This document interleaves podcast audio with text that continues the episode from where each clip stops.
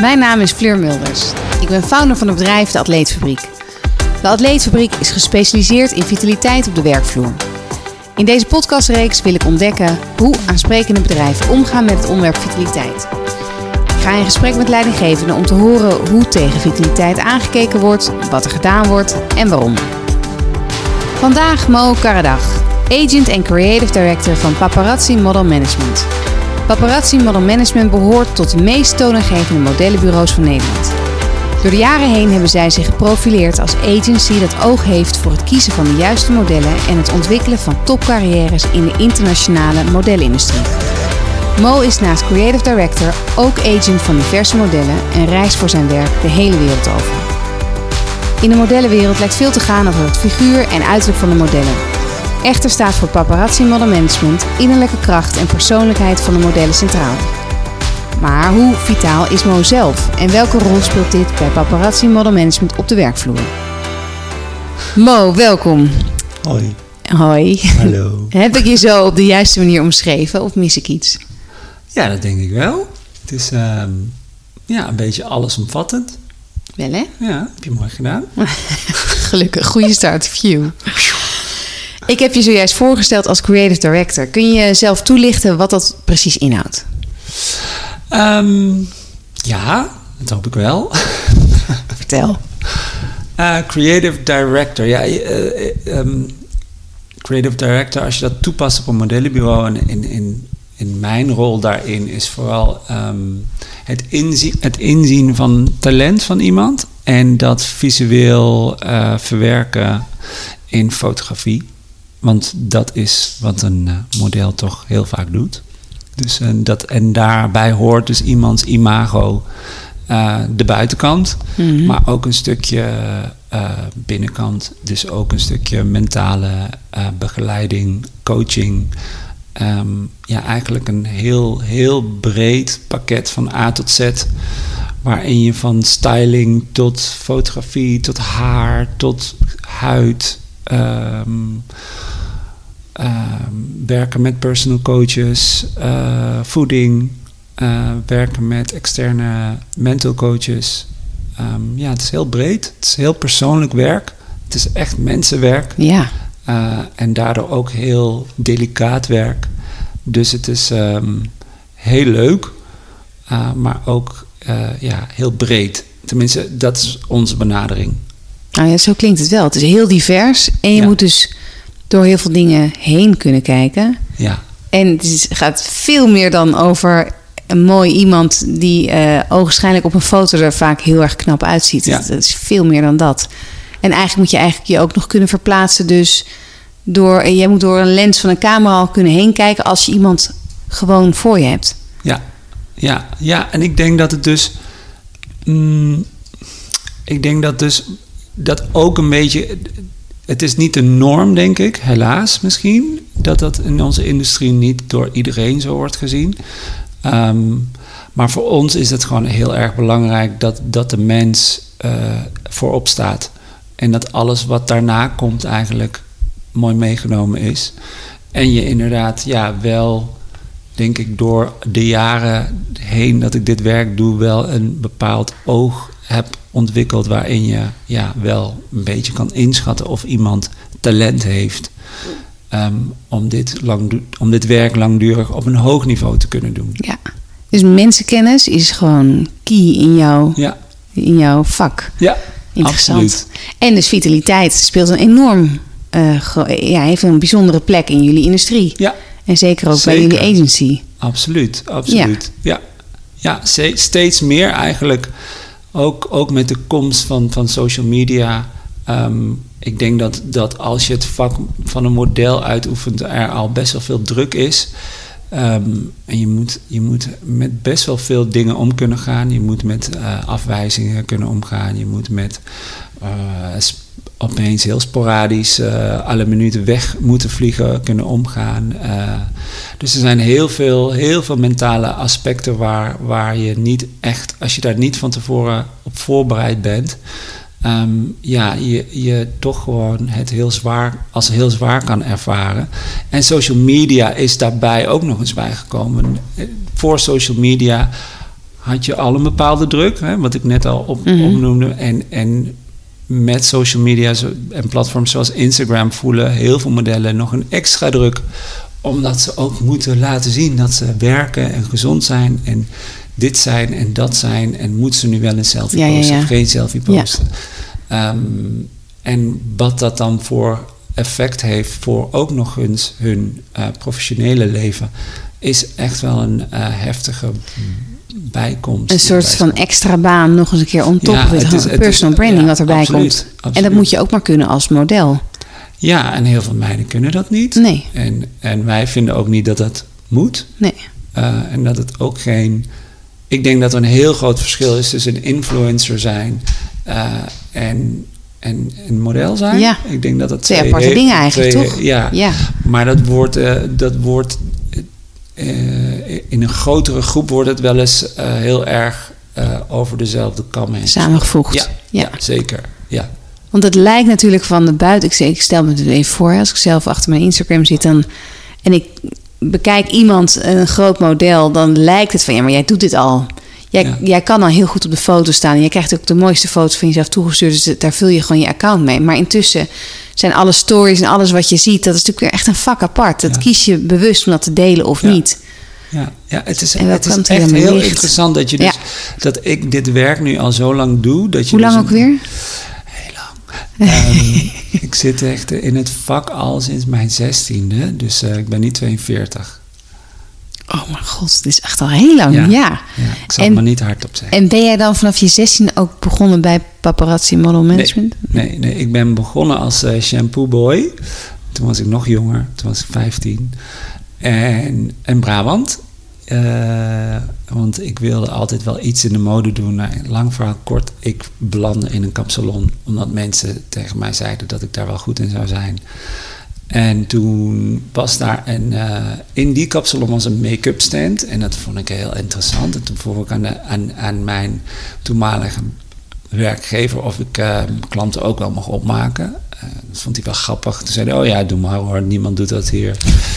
Dus toen ging ik een beetje klanten opmaken. Dus mensen kwamen wel voor de kapper en werden opgemaakt. ja, en als dan, extra ja, als extraatje. extra. En ik had nog nooit iets gedaan en ik deed maar wat. En ik dacht dat ik het allemaal wel wist. En toen kwam van het een kwam het ander. En toen belandde ik bij een fotograaf. Ja, wacht heel even. Jij kon gewoon heel goed eh, iemand zijn make-up doen. Ja, ja dat Visagie. denk ik. Ja. Ja, nou Ja, dat weet ik wel zeker. Anders, ja, dus voor, mensen zeiden, ja. dit doe je goed. Ja. En hoe ging dat dan verder? Werd je dan Ja, toen, toen, toen werd ik door een fotograaf gevraagd of ik eh, met hem wilde testen met modellen. Nou, ik, ik, ik dacht, oké, ja, weet ik veel, ja, dat is goed. Dus ik, ik had ook helemaal geen eigen spullen, dus ben ik naar de Kruidvat gegaan. Ik heb daar toen spulletjes gekocht. Op je vijftiende of was Op je vijftiende, ja. Ik weet nog dat die vrouw aan de kassa me heel raar aankeek. Ik dacht, nou, ik doe maar wat. En toen had- nou, was een opdracht en ik moest daar gewoon opmaken. Dus heb ik maar wat gedaan. Dat vond hij heel erg mooi. En toen eh, aan het einde van die sessie gaf hij me 50 gulden. En ik dacht echt zo, hè, krijg je geld voor? En toen ging ik naar huis en toen weet ik nog heel goed dat ik naar mijn moeder ging en ik zei... Ja, ik heb iets gedaan wat ik heel leuk vind en ik heb er ook nog heel veel geld voor gekregen. Ja. Ik vond dat heel veel geld. Dat is ook heel veel geld. 50 gulden was toen heel was veel geld. toen heel ja. veel geld. Want ik werkte dus daarbij, buiten dat ik in de kapsalon shampoo boy was, werkte ik in het weekend als afwashulp.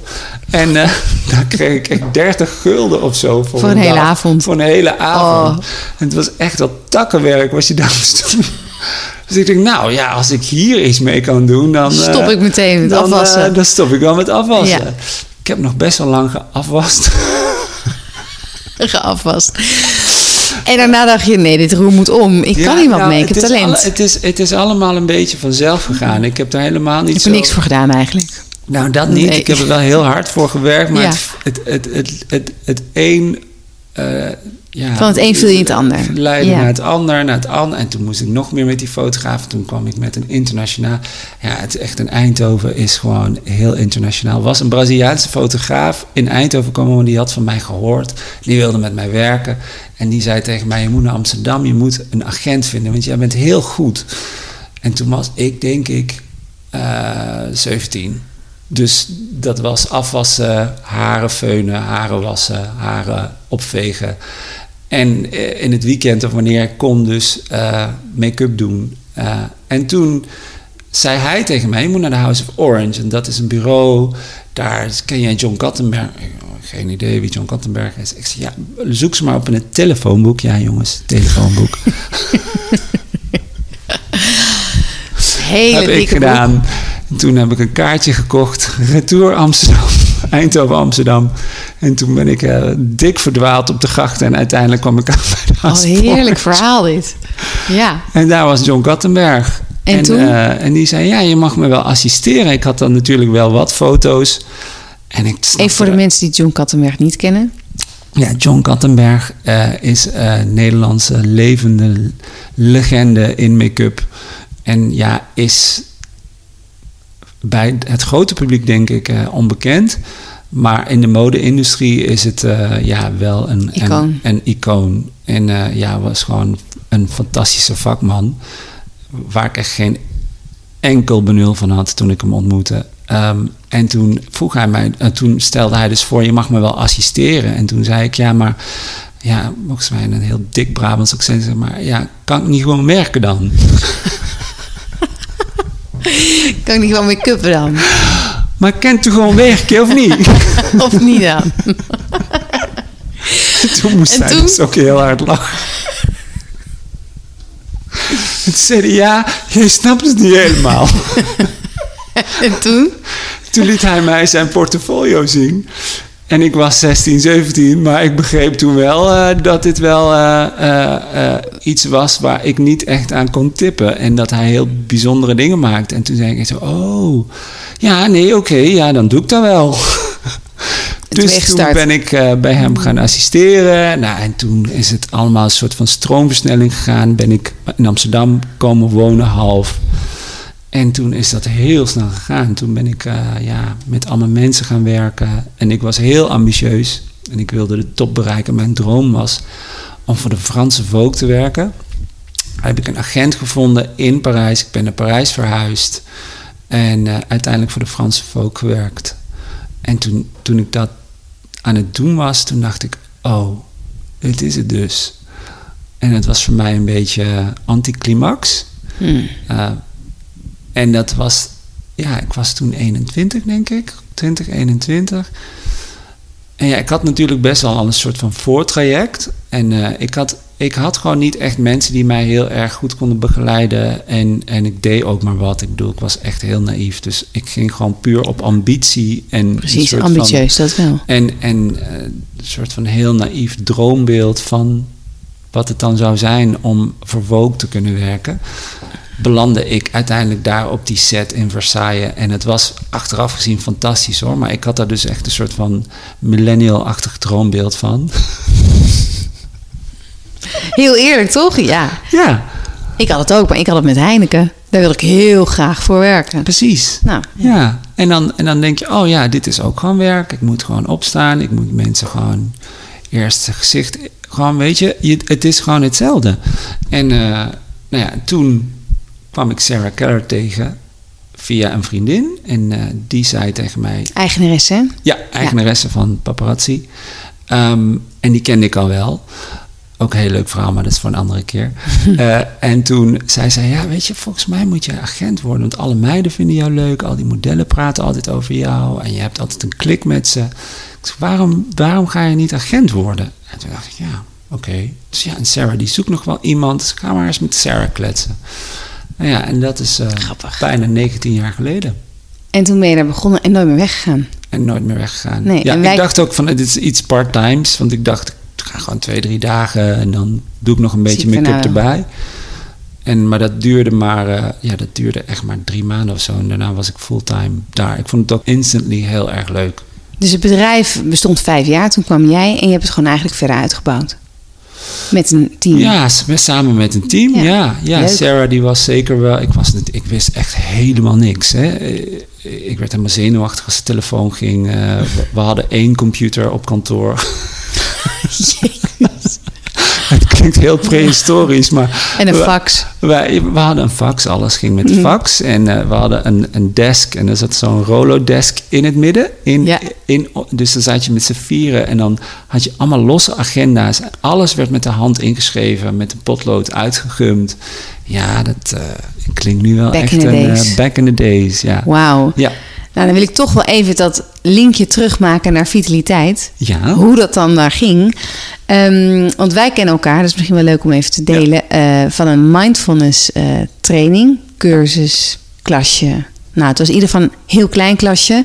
Ehm, maar dat was juist wel heel, Heel erg leuk. Heel leuk. Eh, een van de, nou, ik denk wel het beste mindfulness eh, stuk wat ik ooit heb geleerd. Dat was op dinsdagavond. En zo ontmoet ik jou dan als we eh, raar, weet ik veel, op ons hoofd moesten staan. Wat voor heel veel mensen heel normaal was, behalve voor ons. Dan zag ik jou al het eerst een beetje moeilijk kijken. En dacht ik echt, oh Mo, ik ben zo benieuwd hoe je dit gaat doen. En daarna ging ik een beetje bij jou kijken hoe het dus niet moest. En dan ging ik het zelf proberen. En viel ik waarschijnlijk daarna zelf ook om. Dus daarna dacht ik, oh, dit is leuk. Weet je, en we raakten in gesprek. Wat Ja. doe jij? Wat, nou ja, ik de atleetfabriek. En, eh, dus ontzettend leuk. De link tussen ons is wel vitaliteit. En Ja. dan vooral dat mindstuk. Ehm, dus we hebben het er al vaker over gehad. En ik ben toch wel heel erg benieuwd wat nou de link is eh, met vitaliteit op de werkvloer. Maar ook hè, hoe je er zelf in staat.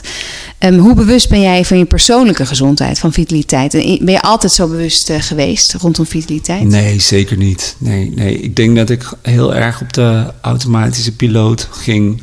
ehm, en er gewoon voor ging. En dacht dat het altijd zo zou blijven. En voor ging voor, voor, je, voor je werk, voor, voor het je leven, voor, leuke dingen, ja, precies, voor de fun. eh, gewoon voor, Ja. voor alles. Gewoon 300% gaan. ja. Ik ben niet iemand die eh, heel passief is. Ehm, anders denk ik ook niet dat ik op mijn 16e, 17e, 18e al die dingen had gedaan.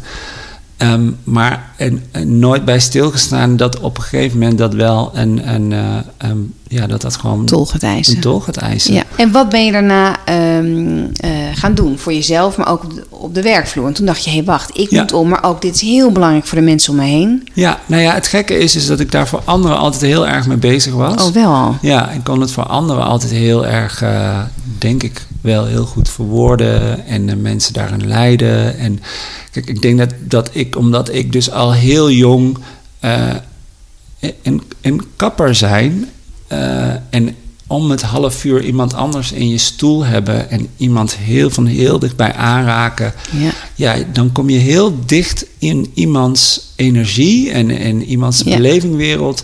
En ik kreeg dus al op een hele jonge leeftijd gingen klanten tegen mij aanpraten over allemaal problemen die, waarvan ik dus helemaal niets wist. Dus ik, ik heb denk ik wel een soort van natuurlijke aanloop gekregen naar, naar dit werk. Ook met modellen die ik opmaakte. Mhm. Ja, vertellen gewoon. eh, je bent wel een vertrouwenspersoon voor iemand.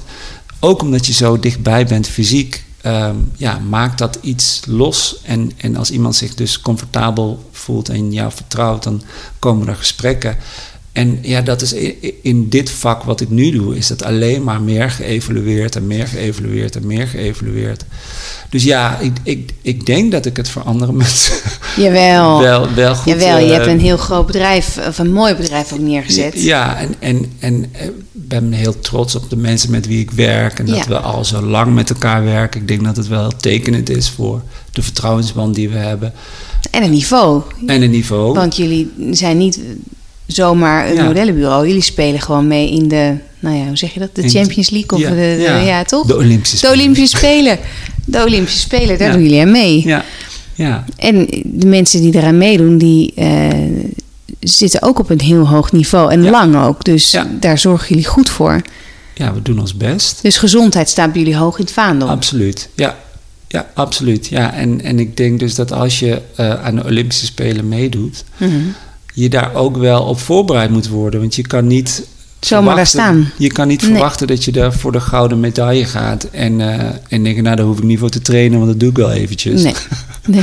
Als je terugkijkt, zijn er dan dingen die je anders had willen doen en had kunnen doen? Ja, vast wel. Ja, hoeft niet hoor. Als je zegt Ja. ik heb geen spijt van dingen, dan kan het ook hè? Nee, ja, ik, ik denk dat, dat eh, in, in dit vak denk ik dat het ook de, gelukkig het werk en de industrie en de wereld ook op een posit- positieve manier is, is ontwikkeld. En ehm, ja, ik denk dat wij, ik denk dat wij wel altijd vast hebben gehouden aan onze normen en waarden. Uh, en dus Wat zijn die? Dat je, dat je als mens voorstaat en dat je gezondheid voorstaat, dat je geluk, je persoonlijke geluk voorstaat en dat het nooit moet onderdoen aan uh, doelstellingen of dromen die je hebt. Want soms, we kunnen allemaal dromen. Uh, ik bedoel, mijn droom als kind was om een modeontwerper te worden. En ik dacht dus in mijn fantasie dat ik een soort Rich Forster zou zijn. En dat dat betekende dat ik heel de dag kon schetsen uh, in een heel mooi kantoor omdat dat was wat ik op tv zag. Ja, ja, ja. En ik kon wel leuk tekenen. Ja. En toen heb ik uh, achter een naaimachine gezeten. En toen, toen kwam ik erachter dat het niets voor jou was. Dat dat niet helemaal mijn talent is. Je moet je toch een beetje bijstellen. Ja. ja. Zo en dat is gezond. Dus eigenlijk het geluksgevoel wat je, wat je... Wij zeggen altijd het geluksgevoel wat je krijgt van in balans zijn. Dat ja. is de reden waarom wij doen wat we doen met de atleetfabriek. Ja. Maar dat is eigenlijk ook wat jullie doen. Dus als je het geluksgevoel kan ervaren, ja. wat je krijgt van in balans zijn of om hè, balanceren is natuurlijk een beetje een Ja. werkwoord, dan kan je goed zijn in wat je doet Ja. bij jullie. Ja, ik snap wat je zegt. Ik wil dan toch heel even nog het hebben over corona, maar even heel kort. Hoe is die periode voor jou geweest op werkgebied? Want jij reisde enorm veel, Ja. maar nu even niet. Niet meer? Nee. Wij eh, waren in Milaan toen het uitbrak. Ehm, Vakantie of zakelijk? zakelijk, Zakelijk. was waar de shows, weer de shows. Ja. Half jaar geleden, Ja. precies. Half jaar geleden in maart. En toen eh, zaten we in het laatste vliegtuig. En het, dat was al heel raar. Dat het laatste vliegtuig dat van Milaan nog naar Amsterdam ging. En wij hoopten heel erg dat wij Mee naar konden, huis eh, ja. konden gaan. En dat kon ook. En eh, ja, dat was toen nog wel een week of twee hier in Nederland. eh, ha, ha, ha. En we zien wel hoe dat loopt. Ja, En toen werd het heel serieus. En toen werd het heel rigoureus eh, omgegooid. omgegooid. Ja. En dat heeft een enorme impact gehad. Natuurlijk op ons allemaal. Maar ook eh, enorm op onze, op onze industrie. Ehm, en dan merk je ook wel ja, hoe overbodig je bent eh, eh, als branche. Hoezo? Vertel. Nou ja, weet je, we, zijn, we, we- maken deel uit van een, van een luxe, eh, luxe industrie. Mhm. Eh, en het, als je dan heel erg gaat naar in die beginperiode van de corona, waar het dus heel erg ging om kan je nog boodschappen doen, hebben we nog genoeg wc-rollen. ja. Eh, mensen die een soort van eh, paranoia werden Ja. om en alles gingen inslaan. Ja, ik bedoel, we zijn allemaal vrij nuchter, maar toch heeft het wel een invloed op dat je denkt, hmm, dus als dit straks zeg maar heel groot wordt, ja, dan, dan zijn de belangen voor de maatschappij branche, ja, eh, anders. anders. Ja. Dan, dan val je gewoon weg. Ja. Ehm, en daarbij moet ik zeggen dat dat beeld is zeker nu wel weer genuanceerd. En, en ondanks dat het nog steeds heel erg moeilijk is. Mhm. En dat er ja, heel de industrie heel erg zoekende is naar wat dan de nieuwe weg is. ehm, denk ik ergens ook wel ja, go- goed geweest voor ons. Om, Een reset? om- een reset. Ja, want ik hoop dat mensen dat door gaan zetten. Ik, ik, ik ben een beetje huiverig ervoor dat, dat, dat de, de, de commercie eh, eh, toch doorgaat op de manier waarop het ging. Niet dat ik te- iets tegen commercie heb, maar iets minder heftig, dat bedoel je denk ik. ja, dat hyperconsumeren, Precies, wat zich ja. ook doorvertaalde in, eh, in, in het hyperconsumeren van modellen. Ja. Want Ja. modellen werden eh, of waren net als kledingstukken vervangbaar. Eh, en, en dat maakt het een heel onmenselijk werk. Waardoor, waardoor het voor mijzelf ook niet meer heel stimulerend werd. Eh, en de motivatie wel ook minder werd voor corona. Eh, en dan hebben we heel veel geluk dat we echt dat ik met heel veel bijzondere talenten werk die buiten dat ze heel knap zijn, ook, ook eh, of heel veel andere leuke dingen doen, waardoor je dus ook elkaar energie kan geven. Ja. Maar voor iemand die net begint, is het gewoon een, een ja, best wel een uitdaging nu. Mega heftig lijkt Ja. me dat. Nou, dan wil ik van jou toch nog even weten, gewoon heel praktisch, want daar ben ik ook wel van. Eh, hoe ziet jouw werkweek er momenteel uit? Gewoon heel kort. Ehm, nu wel weer vrij stabiel. Mhm. Dus eh, ik eh, probeer wel echt, ik maak wel echt tijd ook. Ontbijtje iedere dag. Ontbijtje? Ik? Nee, ik ben niet zo'n ontbijter. Ik begin gewoon ergens en het is gelijk alweer mis. Ja, Dus jij ontbijt gewoon niet. nee. Waar begin je dan mee? Een kopje koffie? Nee, eh, een glaasje water, lauw water en dan neem ik mijn vitamine in. Hm. Heel Eh, braaf. Ja, Goed zo. Goed hè? Ja. Eh, en dan ga ik naar werk en dan neem ik wel een kopje koffie en dan neem ik daar altijd twee eieren. En dan, eh, Lunch of ontbijt nog? dat is nog ontbijt. Ja, Dat is dan oh ja. voor 12 uur. Oh ja, ja, ja, ja. Ik heb gewoon nooit zoveel trek. Nee, En ik heb ook geleerd dat je moet luisteren naar je lichaam. zeker. En niet moet forceren. Nee. Ehm, en dan heb ik lunch. En dan werk ik nog meer. Maar en dan heb je dan veel afspraken? Of is, gaat er veel Ja. online nu? Of is dat heel veel, anders? nou ja, afgelopen, wat is het, tien jaar sowieso heel veel online. Eh, en nu, en dat was dus heel leuk aan die, die, die coronaperiode. We hebben ook heel veel, buiten dat we heel veel eh, mooie mensen hebben die gefotografeerd worden, hebben we ook heel veel, heel veel talent die fotografeert en styled en creatievelingen. En ik heb eh, de kans genomen om met heel veel mensen weer contact te hebben. En face-to-face eh, te gaan zitten en elkaar aan te kijken op afstand. Mhm. En met elkaar in gesprek te gaan. En dat waren soms gesprekken van uren. Omdat je, je, je hebt heel veel contact met elkaar voor boekingen of om Mhm. ideeën uit te wisselen, maar dus allemaal digitaal. En het was echt heel bijzonder om, om eh, ja, echt in iemands ziel te kunnen kijken en, eh, en weer Zes seconden hè, was het. te kunnen connecten. Ja, zes Ja, seconden, ja. Zes seconden iemand aankijken. Ja. En dan kan je dieper. Vanaf. Ja. Oh, vanaf. Vanaf zes seconden. Dan begint vier tot zes seconden en dan maak je hersens allemaal eh, hele fijne stofjes aan. Dus je bent eigenlijk meer gaan verbinden in de coronaperiode. Ja. Ja. ja. en daar had ik ook überhaupt buiten corona om dus al heel erg behoefte aan door die, dat hyperconsumeren. En dat was dus er wel heel fijn. Eh, Toen we een beetje uit de soort van gloomy, dark vier tot zes weken kwamen, Hm. eh, kwam er dus ook wel weer heel veel creativiteit vrij bij mij, gelukkig. Dat ik dacht, oké, het zit er dus nog wel.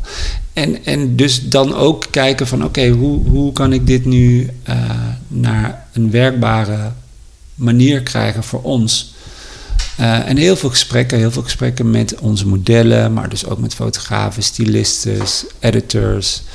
En ehm, ja, er was wel een heel mooi samenhorigheidsgevoel. En je zit toch met z'n dit samen. ja, Ja. je zit wel met z'n allen. En toen hebben we een hele mooie cover gemaakt met de Nederlandse Vogue, met allemaal modellen van ons die ook allemaal een verhaal hebben verteld, hun ervaringen hebben gedeeld.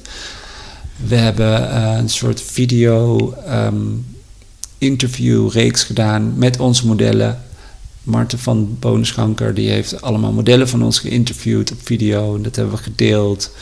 Ja, we hebben allemaal ideeën bedacht om, om, om te communiceren en te verbinden, inderdaad. En Mooi. eh, ja, dat merkte Ja. je dat, dat, ook, dat mensen dat ook heel fijn vonden en heel erg waardeerden. En ook dus leuk om iemand. Dan merk je dus ook hoe, hoe groot die behoefte is om niet alleen maar naar een gezicht te kijken. Nee, de verdieping. En de verdieping, eh, ook in iemand die iets promoot, die, wat je heel Mhm. mooi vindt, Ja, om te weten wie die persoon nu eigenlijk is. mooi. Dus eigenlijk is dat hyperconsumeren omgegaan in een soort van algehele rust, wat bij iedereen, waar, waar iedereen waarschijnlijk meer behoefte aan was. Ja, ja. Want ja, dit hoor je voor- veel. Dat, dat, dat, is, dat is zeker de gedachtegang. Alleen de realiteit, eh, Zodra we terug kunnen. ja, Ja. hopelijk, hopelijk kunnen we daar... En dat verwacht ik ook niet dat dat in één keer die omschakeling wordt. Dat, dat zal niet eh, eh, in één of twee dagen gebeuren. Maar hopelijk houden we wel deze gedachte vast. Ja. Ja. En gaan we daar naartoe uiteindelijk met z'n allen. Ja, of we weer teruggaan naar het oude, oude, eh, de oude sneltrein. Of dat we eigenlijk toch wel weer één tandje eraf kunnen behouden. Ja, ja en Ja. ik denk, denk dus wel dat, dat dat kan. Alleen moeten we dat ook wel weer met z'n allen willen. Ja, eens. Zou wel gezond zijn. Ja, Wat is, ehm, wat is de definitie van gezond zijn voor jou? Ehm, ik denk eh, in balans zijn. Dat is is het. een grote uitdaging. Het is, nooit, het is natuurlijk niet een vast gegeven. Het is natuurlijk een soort van werkwoord eigenlijk, balanceren. Ja. Ja. ja. En wat is jullie visie hierover bij, bij paparazzi models? Ehm, nou ja, wat ik dus al zei is dat wij hè, voor ons ligt de uitdaging in het hoogste segment van, van ons werk. Mhm. En daardoor ehm, ja, vergelijken wij het wel heel vaak met de Olympische Spelen. Ehm, en als je daar dan eh, aan mee wilt doen en je hebt die drive, dan ehm, is het dus voor ons heel belangrijk dat je daar optimaal in wordt begeleid. En ik ben geen psycholoog, ik ben geen diëtist. Eh, niemand op kantoor is dat. Nee. Dus wij werken met een groep externe eh, specialisten die we vertrouwen en die we daar dan ook voor op kunnen inzetten. Mhm. Ehm, ja, die ieder, ieder in zijn persoonlijke weg daarin eh, kan helpen en begeleiden om het beste uit zichzelf te halen, wat het dan ook is. En soms kom je erachter, dat zeg ik ook altijd, soms kom je erachter dat, het, dat wat je dacht dat je wilde bereiken, dat eigenlijk helemaal niet is. Nee. En heel veel mensen zien dat dan als een teleurstelling, maar ik vind dat dan altijd heel erg mooi, want dan zeg ik, ja, maar je hebt dus nu dan wel geleerd dat je bent helemaal voor iets gegaan en je bent voor jezelf achtergekomen dat dat gewoon niet is wat jij dacht dat het was Ja, en dat ja, ja, het past. En dan wordt het een zoektocht, maar je neemt deze les altijd met je mee. Ja. En daar groei je alleen maar van. En ook denk ik dat, dat met modellenwerk word je zo erg geconfronteerd met jezelf. Het is letterlijk en figuurlijk de hele tijd een spiegel voor je neus eh, houden. En die confrontatie kan ook niet iedereen aan. Nee. Dus dat, dat, dat, is iets, dat is iets wat ik heel erg altijd probeer duidelijk te maken. Van kijk, je, je begint aan iets, maar het is niet alleen maar mooi opgemaakt worden, leuke kleren aandoen, eh, mooie En oorden relaxed op de gaan. foto staan. Nee, Nee. eh, verre van. het is zeker niet altijd leuk. ehm, maar het is wel een enorme leerweg als je open staat om van jezelf te Mhm. leren. En eh, ja, dat maakt, het, dat maakt het dus dat je hele, hele bijzondere, langdurige relaties kan opbouwen met mensen die, ja, die je soms dus echt van ja, hele jonge, eh 16, 17, 18-jarige, onervaren, verlegen meisjes ziet, eh, ja, ziet groeien naar hele zelfverzekerde vrouwen. En dat is wel heel mooi om te Ja, zien. een mooi proces lijkt me dat. Ja. Zeker vanuit jouw rol. Vrouwen, moeders, eh, ja, gewoon iemand, iemand daarin kunnen begeleiden is wel heel bijzonder. Ja, dat snap ik. Ja. Mooi. En ehm, wat doe jij zelf aan vitaliteit? Jij eet gezond, bewust in ieder geval. Ja. Mindfulness. Ja. Volgens mij heb jij je net aangemeld voor een nieuwe reeks. Yes, Ja. daar ben ik heel blij mee. En sporten daarnaast? Sporten, ja, dat, dat ben ik dus echt gaan doen. Ik heb ehm, nooit dat punt bereikt, Ik ben heel Dat- benieuwd wat er nu komt. dat euforische punt waar iedereen het altijd heeft. Dat als je dan heel lang sport, dat je op een gegeven moment die rush krijgt. Dat je dan niet alleen maar Verslaafd niets gevoel. anders wil Nee. sporten. Nee, Ik doe dat echt puur uit noodzaak. het is een moedje. Het is een moedje. Het is oké, toch? En dat is helemaal oké. Ja. En ik heb ook geleerd dat het oké is. Zeker. Ja. En vitaliteit gaat ook over mooie muziek luisteren of eh, mooie boeken lezen en Ja. andere dingen. Ja, en hè, kunst. absoluut. Ik bedoel, je zit echt wel in maar d- in ons vak zit ik dus heel veel, zoals heel veel mensen. Eh, en eh, daar moet je gewoon iets aan doen, vind ik zelf. Dus, dus sport ik gewoon zoveel mogelijk. Nou, wat goed. En hoe gaan jullie eh, daarmee om voor jullie medewerkers? Daar ben ik natuurlijk heel erg benieuwd naar. Ja, wij, wij, eh, ehm, wij betalen de gym voor eh, iedereen die bij ons werkt. Dus, Mag je je eigen gym kiezen? Ja, Oké. ja, en dan mag je je eigen gym kiezen. Lekker. En we zorgen gewoon wel dat er fruit is en lekkere thee. Ehm, en verder ja, is het dan ook wel je, je, een heel groot deel je eigen verantwoordelijkheid. Ja. We werken natuurlijk met allemaal volwassen mensen. Ja. En we praten heel veel. Ehm, kijk, ik denk dat dat ook echt een heel groot onderdeel is van, van vitaliteit. Dus is dat, dat je gewoon wel met elkaar moet communiceren. In, dat je ook lekker in je vel voelt eh, op de werkvloer. ja, dat die ruimte daarvoor is. En dat die ruimte ja, daarvoor heel is. goed. Wat grappig dat je dit zo benoemt. Want dit is iets wat bij heel veel bedrijven niet als onderdeel van vitaliteit wordt benoemd. Maar dat vind ik wel een groot ding hoor. Oh, ja. ja. zeker. Ja. En vind je het een verantwoordelijkheid voor jullie als werkgever om hier zorg voor te dragen? Dat ze zich prettig voelen? Ja, en dat, dat vitaliteit echt een onderdeel is van jullie cultuur. Ja, ja. En hoe groot is jullie groep? Hoe groot is jullie team? Heel klein. Er zijn nu twee eh, mensen op de boekingstafel en eh, twee mensen op financiën. Maar dat is vast dus. En hoe groot is jullie ZZP-team? Eh, de modellen denk ik dat we nu op tussen de 40 45 zijn. Dat is vrij klein voor een modellenbureau. Maar goed, dat, dat is als je dat, als je dat op een global niveau kijkt. Ja, oké, precies, global gezien. Maar als jullie ziet op welke, in welke categorie jullie meedoen aan het geheel, is het alweer, vind ik wel weer groot. Ja. ja. Dan wil ik nog even één laatste vraag uh, stellen over de toekomst. Um, nou, twee dan misschien. Wat zie je graag in de modellenindustrie veranderen op het gebied van vitaliteit? Mm, ik denk dat. Misschien ik denk meer dat uitgebouwd. Het heel, ik denk dat het heel belangrijk is dat. Uh, ik hoop dat uh, niet alleen maar ook andere bureaus, maar ook klanten. Uh, en daarmee bedoel ik ook dus de bladen, de merken, de modeontwerpers, modellen meer als mens gaan behandelen en niet als product. En Ja. ik denk dat daar ook een heel groot stuk erkenning en, en gezien worden in zit. Wat heel belangrijk is voor je vitaliteit. Nou, eigenlijk daarop voorbedurend, heb jij nog dromen, plannen, ambities, zowel persoonlijk als op werkvlak, waarvan je zegt, nou dat, als ik nu in, de, in een toverbol zou kijken, dat zou ik dan heel graag willen terugzien. Ehm poef. Nou ja, persoonlijk vlak eh, zitten we nu nog steeds in een verbouwing. Dus ik dat we ooit, Al heel lang, hè? al heel lang, Ja. dat we ooit in ons huis kunnen, in ons droomhuis. Eh, dus dat zou wel heel fijn zijn. En ehm, ja, voor de rest, ik ben niet zo'n planner. Dus, Nee, eh, maar heerlijk. Dus jij leeft je droom eigenlijk. Het is goed zoals het nu is. Het is goed. Ja. Alleen die verbouwing nog. Alleen die verbouwing. Daar weet ik alles van. Precies. Fijn als die straks af is. Bij mij ook nog niet zo. Heerlijk. Ik kan niet wachten. Nee. Als laatste heb ik altijd één vraag. Aan wie zou jij het stokje willen doorgeven? Oh jee, oh jee, oh jee. Ehm, ja. Hmm. Misschien wel aan Danielle van Gondelle. Oké. En even voor de luisteraars die haar niet kennen. Danielle van Gondelle, die kennen de luisteraars misschien van eh, Curvy Next Top Model. Daar heeft ze toen aan meegedaan. En ehm, ja, zij is denk ik wel in Nederland een van de bekendste eh, ehm, curve modellen. Nu hebben wij geen curve board, want ik vind dat je een talent of model bent, eh, ongeacht je maten. Mhm. En ehm, het is een hele bijzondere vrouw. En die staat voor iets en die heeft een hele duidelijke mening.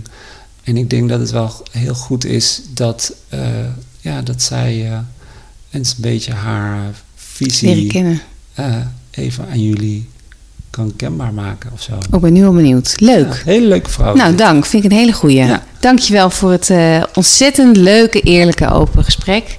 Graag gedaan. En, Heel leuk om jou zo weer eens een keer te zien. Ja, hè? Gezellig.